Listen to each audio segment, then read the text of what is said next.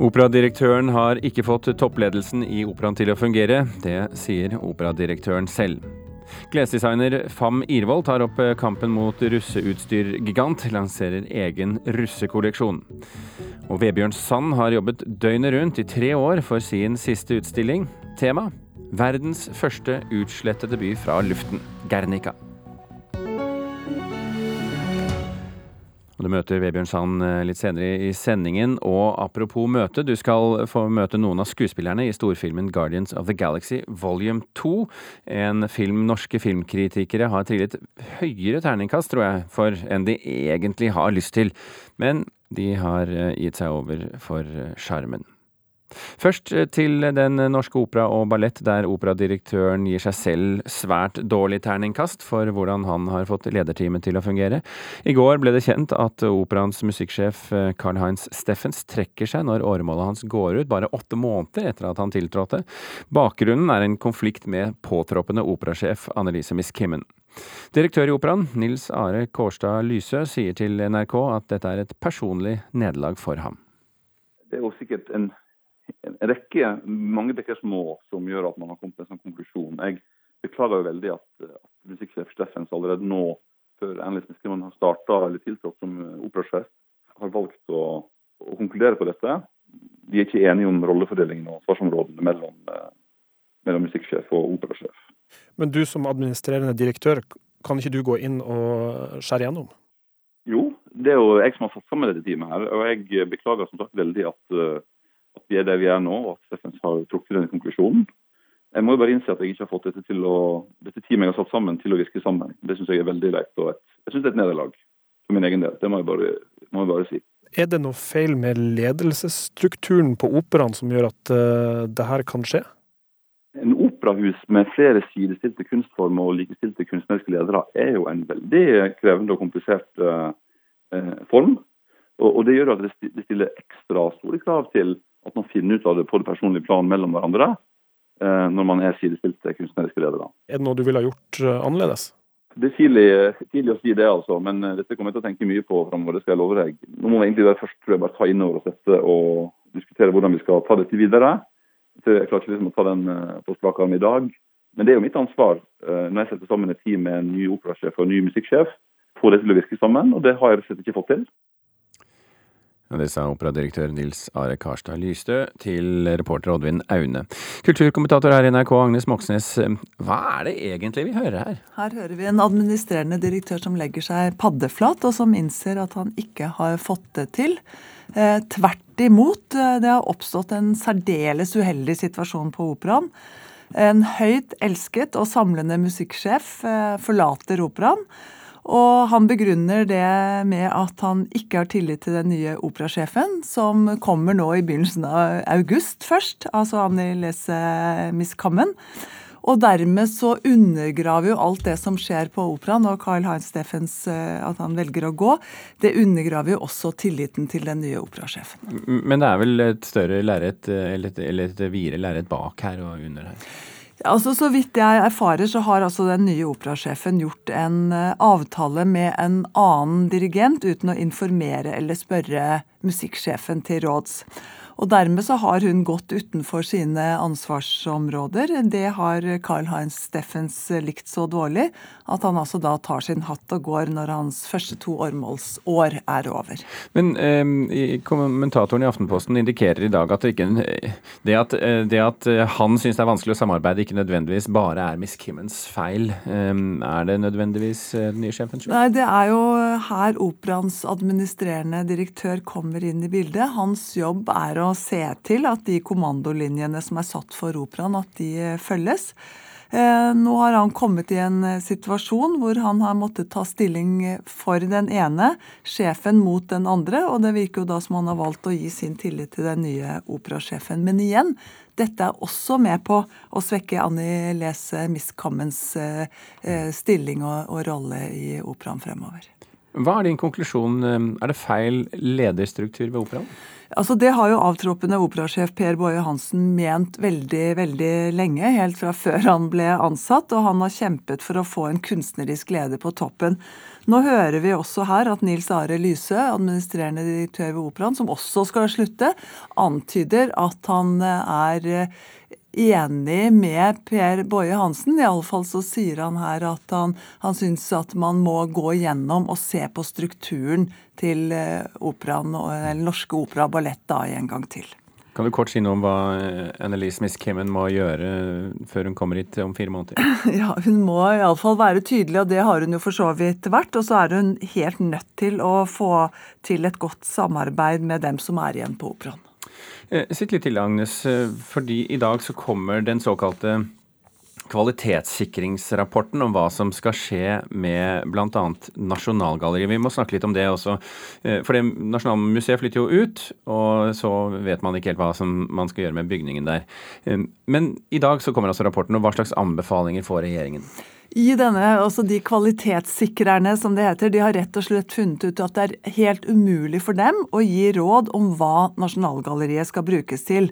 Deres konklusjon er at det er et politisk valg, som politikerne bør gjøre så fort som mulig. For det er jo altså snart gått ti år siden det ble bestemt at Nasjonalgalleriet skal eh, fraflyttes. Men hvilke alternativer snakker vi om her? Hva har politikerne å velge mellom? Det de sier er at man kan selge til private. Huset er fredet, så sånn sett er det ivaretatt. Og det er jo definitivt det mest økonomiske forslaget for staten. Men det, ikke, men det, er jo ikke, et godt kulturhistorisk alternativ, så da kan de enten overlate bygget til Nasjonalmuseet eller til Kulturhistorisk museum.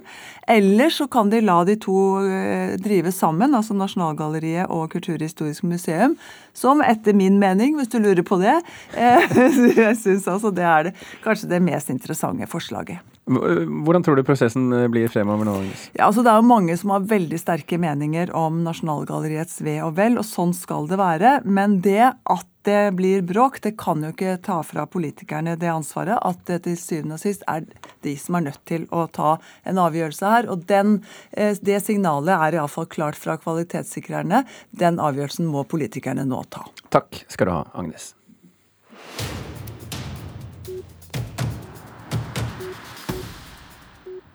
I dag starter arbeidsrettssaken mellom Skuespillerforbundet og Det Norske Teatret i Oslo. Stridens eh, eple er hvorvidt søndager skal være fast spilledag. Altså ikke om hviledagen skal holdes hellig eller ikke, men i hvor stor grad. Jeg tror ikke publikum har, egentlig har tenkt på at det har vært et kjempeproblem for dem. De har gått på kino eller konsert isteden. Det er ikke livsnødvendig å gå på teater heller, tross alt sier Knut Alfsen i Norsk Skuespillerforbund, som nå altså skal møte Norske Teatret i arbeidsretten. Vi skal tilbake til 1960-tallet, da folk snakka på denne måten på teater. Jeg vet ikke hvordan jeg skal forklare det. Nei, det kan du si, men vi får prøve likevel. For på 1960-tallet så var det sånn at skuespillerne ikke jobba på søndager, med mindre det var noe helt spesielt. For tre år siden så inngikk Skuespillerforbundet og Det Norske Teatret en midlertidig avtale om forestillinger på et begrensa antall søndager. Avtalen den gikk egentlig ut i april i fjor, men Det Norske Teatret har nå innført søndag som fast spilledag med inntil to forestillinger. Det er i strid med tariffavtalen, mener forbundet. Men å begynne å spille som en fast ordning på søndager, det er jo pålegge skuespillere en ny belastning. Ei belastning som teatersjef Erik Ulsby lever veldig godt med, fordi de ansatte har fått fri andre dager. Eksempelvis her så har vi jo da som en konsekvens av dette gitt våre skuespillere fri lille julaften, eh, andre juledag, 17. mai. Til gjengjeld spiller de da tre søndager i snitt i året, pluss fri på lørdags, altså lørdagsprøvefri. Mens for andre teatre, som Nationaltheatret, så er jo 17. mai en tradisjon. Poenget er at de forskjellige teatrene har forskjellige behov, og det åpner ikke dagens avtale for. På Det Norske Teatret vil de nå familiene når de faktisk har tid. Alle vet at det å hente et barn i barnehagen eller på skole klokka fire, og så stappe inn med en banan på trikken, og så se forestilling klokka fem, og så hjem klokka sju, og så en brødskive, og så rett i seng, det er på en måte ikke en optimal løsning. På Det Norske Teatret må skuespillerne finne seg i å jobbe et sted mellom tre og elleve søndager i året. Det syns Svein Tindberg, som har vært ansatt i en årrekke, er helt greit. Eh, jeg er som alle andre, jeg vil gjerne ha fri. Eh, men på den annen side, eh, for å bruke Inger Hagerup, to tunger har mitt hjerte. Livet forandrer seg, arbeidslivet forandrer seg, hele samfunnet forandrer seg. Og jeg mener at det er riktig. Innerst inne mener jeg at det er riktig. Jeg har valgt meg et yrke hvor jobben min er å skulle spille teater for andre folk mens de har fri. Og en av de dagene de har fri, er søndager. Rettssaken den varer i tre dager. Reporter her, det var eh, Kirsti Falk Nilsen.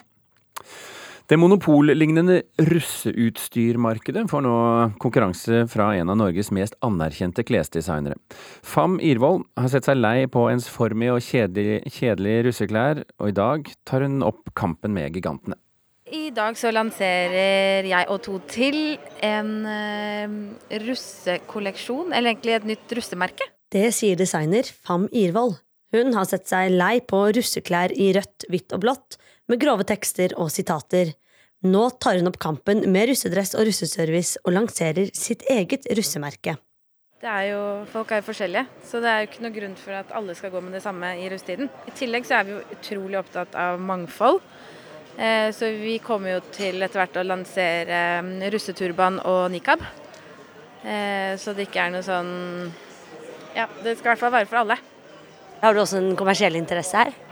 Det er jo alltid en kommersiell interesse på ting. Eh, men jeg er jo ikke så kapitalistisk av meg. Jeg er mer opptatt av eh, kvalitet og, eh, og liksom gi. Jeg er veldig opptatt av. Hvis ikke så hadde jeg kanskje vært rik allerede. Hvis jeg var veldig opptatt av de tingene. Så men altså, slår det an, så slår det jo an. Gjør det ikke, så er det kult uansett. Russedress og russeservice har så godt som monopol i dagens marked. Og selskapene, som også har samme eier, omsatte for mer enn 90 millioner kroner i 2015. De ønsker konkurransen velkommen. Vi syns det er veldig, veldig gøy. Sier Knut Lyngstad, designer i russedress.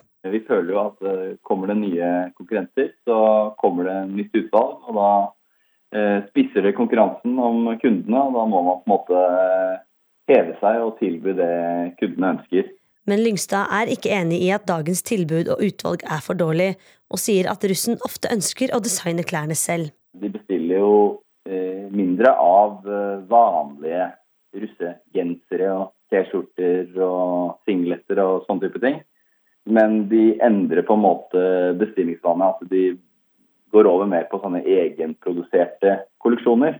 Også russen selv mener variasjoner i klestilbudet er for liten, og er glad for at flere kommer på banen. Det syns jeg er veldig bra. Sier Anneli Rystad Aune, russepresident i Oslo og Akershus. Det er veldig høye priser fra de leverandørene som finnes nå, så jeg tror det er bra med et nytt marked. Reporter her, det var Mari Sand Malm. Klokken passerte akkurat 16 minutter over åtte. Du hører på Kulturnytt, og dette er toppsakene i Nyhetsmorgen nå. Veidirektoratet sier nei til regjeringens spareprosjekt for ny vei langs Mjøsa. Vil ikke gå med på planene om et tynnere lag frostsikring. Integreringen av flyktninger i Norge går feil vei, og forskjellene øker. Det viser en ny studie omtalt i VG. Og I USA har en føderal dommer stoppet en ny presidentordre fra Donald Trump. I dag er det premiere på filmen Guardians of the Galaxy Volume 2, som ble anmeldt her i Kulturnytt i går. Forventningene er store etter den første filmens suksess i 2014, med en inntjening på nesten 7 milliarder kroner. Og med en sånn suksess så skulle man nesten tro at forventningspresset tynget regissør James Gunn under arbeidet med oppfølgeren, men nei da. I don't think it really did. I think I, you know, I pretty much just focus on, you know, telling the best story and making the best movie I possibly can, and I don't get too distracted by what other people's expectations are. I don't think that, you know, my job is to give people what they expect. I try to give them what they need, and and um, and telling the story of the Guardians and being true to those characters is what concerns me the most. Jeg var mest opptatt av å fortelle historien om Guardians of the Galaxy og være tro mot figurene, sier regissør James Gunn.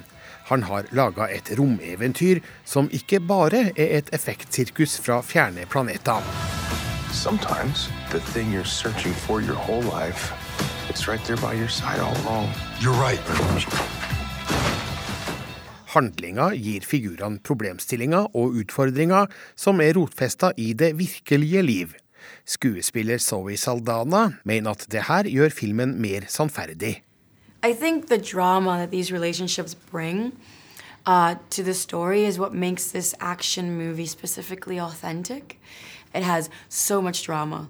And I feel like sometimes that's what action films may lack, that audiences may want.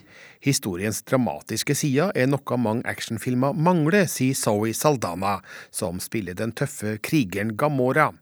Filmens andre hovedperson, den morsomme kjekkasen Peter Quill, må ta et emosjonelt oppgjør med sin egen fortid. After all these years, I've found you. And who the hell are you? I'm your dad, Peter.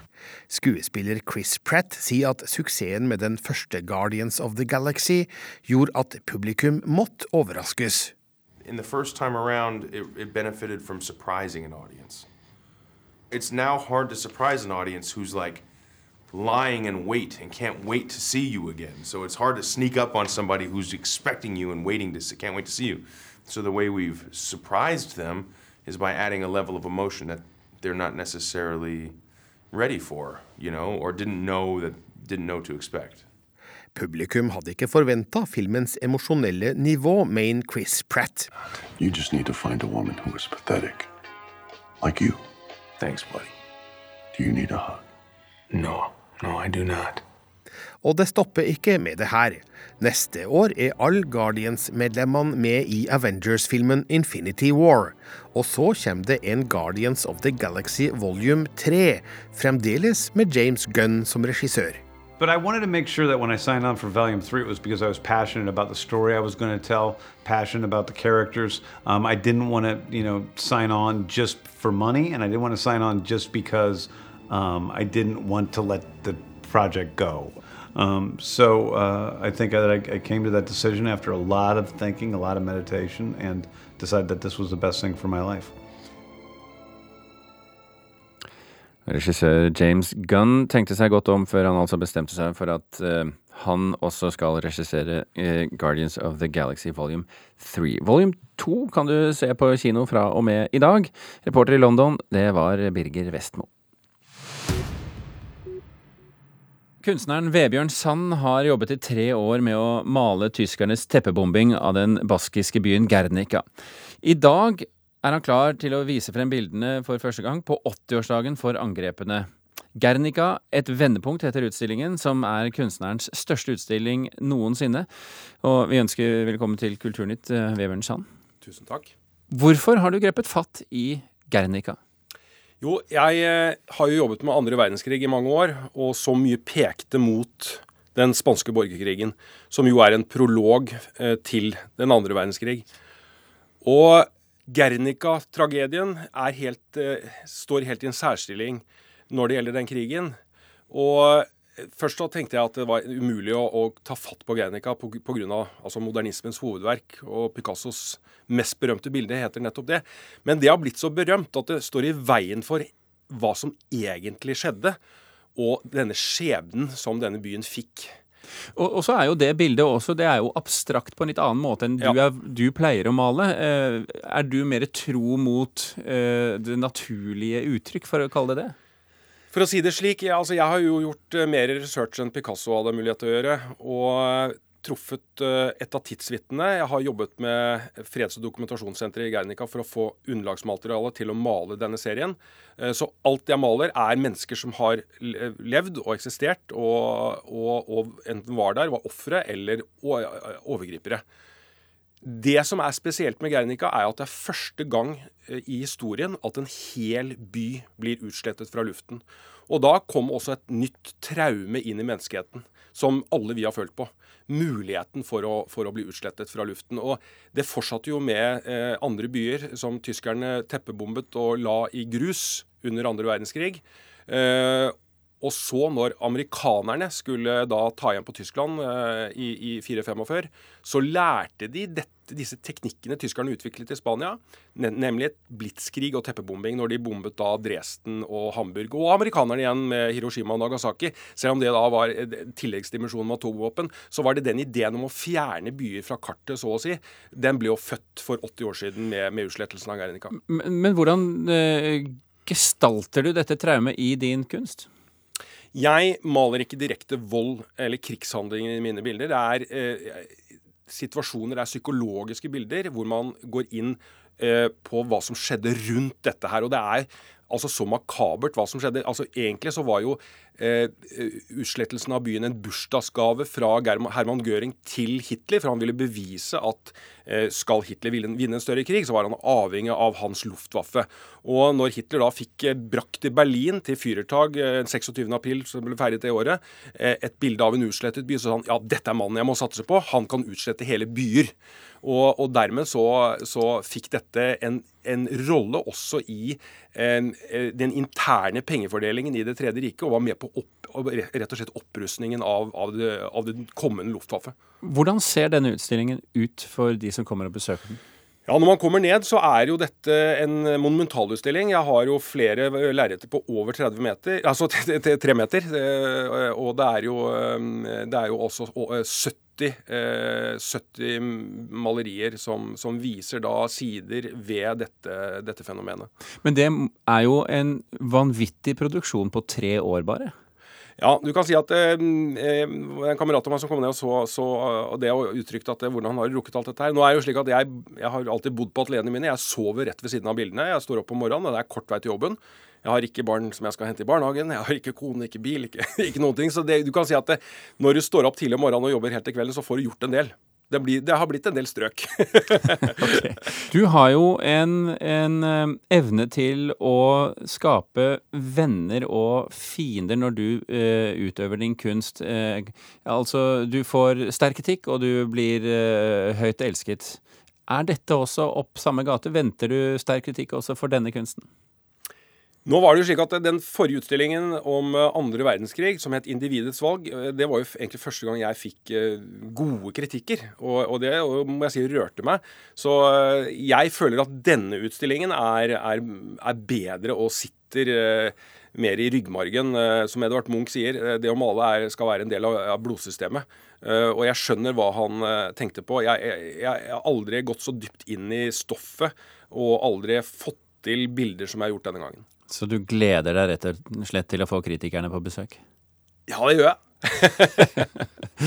Vebjørn Sand, tusen hjertelig takk for at du kom til Kulturnytt. Vi skal holde oss i dystre, dyster tematikk, for noen temaer er så vonde å snakke om at det nesten ikke går. Hvordan kan man f.eks. skrive en barnebok om et barn som blir slått helseløs? Klarer eh, forfatter eh, Bjørn Ingvaldsen det, Anne Katrine Straume? Ja, han gjør det i denne boken som heter Lydighetsprøven, og som er grå på utsiden med et sånn stempel 'En tenkt fortelling om et barn', står det. Det ser nesten ut som en rapport. Det kan være noe fra krigens dager. altså Så umiddelbart så vil ikke det appellere til barn, tenker jeg. Knapt en bok som er laget for å selge. Nei. Mens innholdet er Den er laget for å leses, åpenbart. den er laget for å lese, og den er så definitivt alt annet enn underholdningslitteratur. De vil jo ofte at barn skal lese, at de skal lese noe som er morsomt, som er gøyalt. Barn vil ha spenning og underholdning. Dette er på en måte så er det jo spennende også, men det er trist. Det er en, eh, en bok om omsorgssvikt og en, en, bok om barnemishandling. Denne, hvordan kan det være et godt tema for en barnebok? Um, det er et for å si det sånn, så, så fælt en kan høre, så er det et slags gjenkjennelig tema i boken. Fordi det er en helt vanlig gutt. Han er kanskje litt mer pinglete enn andre. Litt mer forsiktig, litt mer puslete, som kommer opp i trøbbel. Eh, han og moren eh, flytter sammen med morens nye kjæreste, og det viser seg da etter hvert at denne kjæresten, som har felles interesse med gutten Gutten er interessert i de døde. Denne stefaren jobber på eh, et museum for arkeologi. Han er arkeolog, og opptatt av skjeletter. Kanskje kunne det blitt godt godt forhold mellom disse to. Men så viser det seg da at denne nye kjæresten har et sinne som han ikke kan kontrollere. Og det går utover Alvin. Denne gutten som også blir kalt for Alvin Piss, som blir mobbet på skolen fordi han har det med å vete seg ut. Men hvilke fortellerfarer må en forfatter unngå eh, med slik fortelling? Jeg antar at det er en del. Ja, og det kan jo bli sentimentalt, det kan bli overtydelig, det kan bli veldig eh, moralsk med pekefinger og det hele. Eh, det Bjørn Ingvaldsen gjør, som jeg syns han gjør veldig godt, er at han hele tiden beholder barnets perspektiv. Det er denne lille gutten som forteller, og han eh, registrerer og konstaterer, men han er ikke den analyserende typen. Det er vi som lesere som skjønner mer enn det Alvin skjønner, og som blir vi som eh, analyserer hendelsene, og som ser de konsekvensene hans eh, eh gjerninger gjør. For Alvin er en gutt som lett lar seg lokke med av mm. større gutter. For eksempel eh, så får de ham til å stjele øl for seg i butikken, de får ham til å begå forbrytelser. Eh, familien får politiet på døra. Og dette er jo helt umulig for denne arkeolog-stefaren, da. Mm, men det krever jo noe ekstremt av forfatter Bjørn Ingvaldsen, vil jeg tro? Det krever en redelighet. Og det han gjør som også er fint, syns jeg det er at han ikke går inn og beskriver disse overgrepene, slagene, direkte. Vi får høre i ettertid at Alvin forteller dette skjedde, eller jeg var på gulvet, eh, jeg blør neseblod, mamma gråter. Men vi får ikke høre direkte hva som har skjedd. Det som er vondt også i denne boken, er jo det at Alvin har ingen han kan snakke med. Til å begynne med så er mammaen også um, sint fordi at Alvin lyver, fordi at han uh, gjør ugjerninger. Den eneste Alvin snakker med, er mormor. Men det viser seg at mormor hun er på kirkegården. Så det er ingen som hører Alvin. Men, men, hvem er denne boken til, Anne Katrine? Altså, er det for barn som blir slått, barn som ikke blir slått, foreldre som slår, eller foreldre som ikke slår? Ja, den er for alle, vil jeg si. Eh, det er ikke en, umiddelbart en terapeutisk bok, men den kan sikkert også ha den virkningen at barn kan um, vite, og det skriver jo Ingvaldsen også i forordet her, at det er aldri barns skyld når de voksne slår. Og selv om dette er en mørk historie som også har en dyster slutt, så finnes det et menneske på skolen, en mattelærer, en hjelpelærer hos Alvin, som ser en dag at han har det vondt, han har vondt i armen, han klarer ikke skrive, sender ham til legevakten og oppdager da at denne gutten har en brukket arm. Så det fins mennesker der ute, det fins andre voksne. Hvis dine nærmeste voksne gjør deg urett, så er det noen du kan snakke med. Og det tenker jeg står som et sånt budskap i boken også. Men det er ikke noe happy ending, liksom? Det er ingen happy ending. Men det er også lov. Jeg tenker at disse bøkene er det også behov for eh, blant barnebøkene. Anne Katrine Straume, dette var altså Bjørn Ingvaldsens eh, nye bok. Takk for at du kom og fortalte om den. Eh, Kulturnytt er slutt. Thomas Alvar, Stein Ove og eh, Birger Kolsrud Aasund, vi takker for følget. Hør flere podkaster på nrk.no podkast.